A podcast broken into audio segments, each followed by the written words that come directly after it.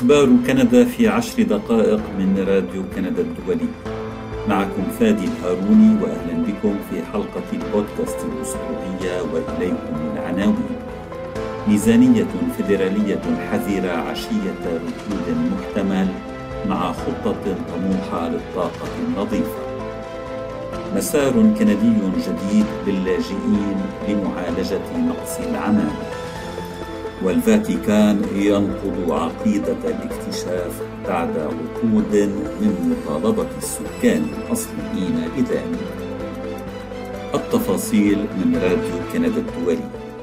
قدمت وزيرة المالية الفيدرالية كريستيا فريلاند ميزانيتها العامة بعد ظهر الثلاثاء ولم يكن مفاجئا أن الميزانية لا تتضمن سوى عدد قليل من الإجراءات الموجهة إلى المواطنين.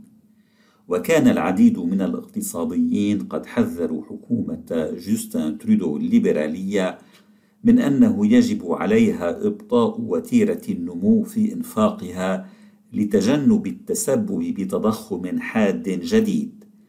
ما قد يدفع الاقتصاد الكندي إلى الركود أو إلى الركود التضخمي. كما أن فريلاند التي تشغل أيضا منصب نائبة رئيس الحكومة كانت قد تعهدت بإظهار اعتدال في الميزانية. وفي خطاب الميزانية في مجلس العموم قالت إن الإجراءات الواردة في ميزانيتها ستساعد الكنديين دون تأجيج التضخم. وكما تم الكشف عنه يوم الاثنين ستحصل الأسر ذات الدخل المنخفض على خصم للبقالة لمساعدتها على مواجهة التكاليف المرتبطة بالتضخم.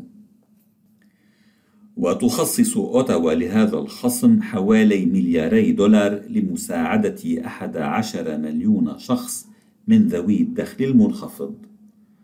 وتعطى هذه المساعدة مرة واحدة وتسمح لأسرة مكونة من أربعة أفراد بتلقي ما يصل إلى نحو 470 دولارا ونحو نصف هذا المبلغ للعازبين وكبار السن.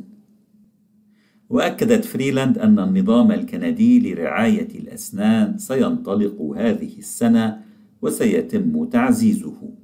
وستبلغ تكلفته 13 مليار دولار على امتداد السنوات الخمس المقبلة. ويغطي النظام رعاية الأسنان للأشخاص غير المشمولين بتأمين ويقل دخل أسرتهم السنوي عن تسعين ألف دولار. ولن يضطر أي شخص يقل دخله السنوي عن سبعين ألف دولار إلى تسديد أي مساهمة. وخصم البقالة وبرنامج رعاية الأسنان تبنتهما حكومة الأقلية الليبرالية بضغط من الحزب الديمقراطي الجديد اليساري التوجه وتضمنت الميزانية خطة طموحة للانتقال إلى الطاقة النظيفة إذ رصدت فيها حكومة ترودو استثمارات بقيمة 80 مليار دولار على مدى عشر سنوات.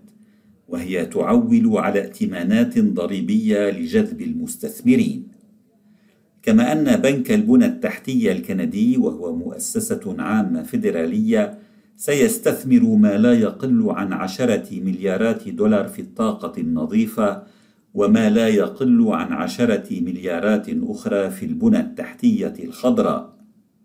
وفي السنة المالية 23 24 سيتجاوز العجز الأربعين مليار دولار مقارنة بثلاثين فاصل ستة مليار دولار وفق توقعات التحديث الخريفي. وتتخلى الحكومة عن هدفها بالعودة إلى ميزانية متوازنة في السنة المالية 27 28 وباتت الآن تتوقع فيها عجزا بقيمة 14 مليار دولار. وقال حزب المحافظين الذي يشكل المعارضة الرسمية إنه سيصوت ضد الميزانية وانتقد ما اعتبره هدرا للمال العام من قبل الليبراليين. ورفض زعيمه بيير بولييفر عدة مرات أن يجيب الصحفيين بوضوح عما إذا كان سيلغي برنامج رعاية الأسنان فيما لو وصل حزبه إلى السلطة. يمكنك الاشتراك في أخبار كندا باستخدام التطبيق الذي تختاره أو عن طريق زيارة موقعنا على الإنترنت radio rci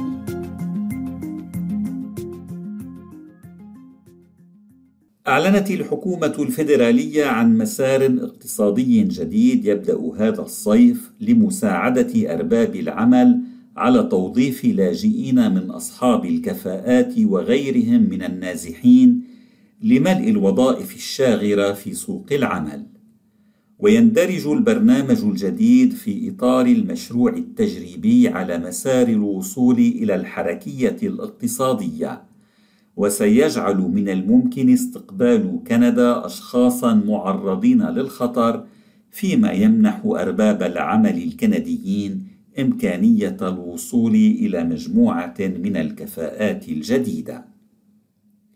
والقطاعات المستهدفة هي بالدرجة الأولى تلك التي بحاجة ماسة لموظفين كمساعدي الممرضين وعمال الدعم الشخصي ومساعدي الرعاية الطويلة الأجل والمهندسين في مجالات البرمجيات والميكانيك والكهرباء والمدرسين والأشخاص المؤهلين للعمل في قطاع السياحة والفنادق.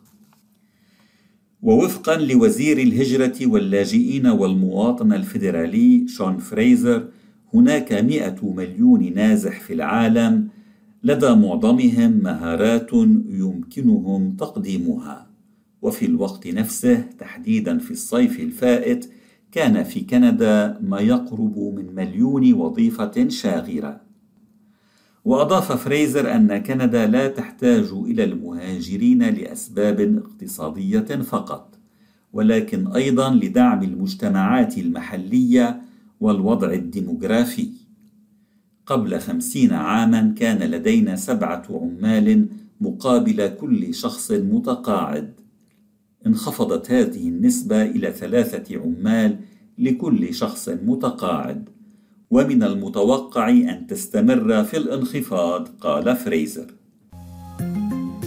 أنت تستمع إلى أخبار كندا في عشر دقائق البودكاست الأسبوعي من راديو كندا الدولي.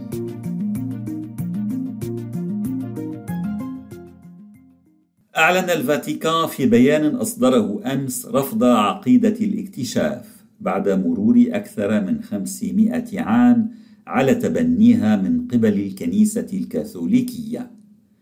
ورفضه هذه العقيدة هو مطلب لطالما تقدم به السكان الأصليون في كندا وسائر القارة الأمريكية إلى كبرى الكنائس المسيحية. وكانت هذه العقيدة مدعومة بمراسيم بابوية عائدة للقرن الخامس عشر وتستند إلى الافتراض الراسخ بأن أراضي ما سيطلق عليه فيما بعد اسم أمريكا أي مجمل القارة الأمريكية لا تخص أحدا. وأتاحت تلك المراسيم الاستيلاء على أراضي السكان الأصليين وثرواتهم من شمال القارة الأمريكية إلى جنوبها، مبررة ذلك بمبادئ قدمت على أنها دينية. وتقول دوائر الفاتيكان إن تلك المراسيم البابوية تم التلاعب بها لأغراض سياسية من قبل القوى الاستعمارية لتبرير أفعال غير أخلاقية بحق الشعوب الأصلية وهي أفعال ارتكبت أحيانا دون معارضة من سلطات الكنيسة على حد قولها. ولم يقتصر بيان الكنيسة الكاثوليكية على الإقرار بالذنب فمع تشديد الكنيسة على أنه مهم أصرت على أنها ترفض الذهنية الاستعمارية مضيفة أن هناك أمثلة كثيرة عن بابوات وأساقفة وكهنة وشخصيات دينية وعلمانية بذلوا حياتهم في سبيل الدفاع عن كرامة الشعوب الأصلية. حلقة البودكاست لهذا الأسبوع انتهت. شكرا لإصغائكم.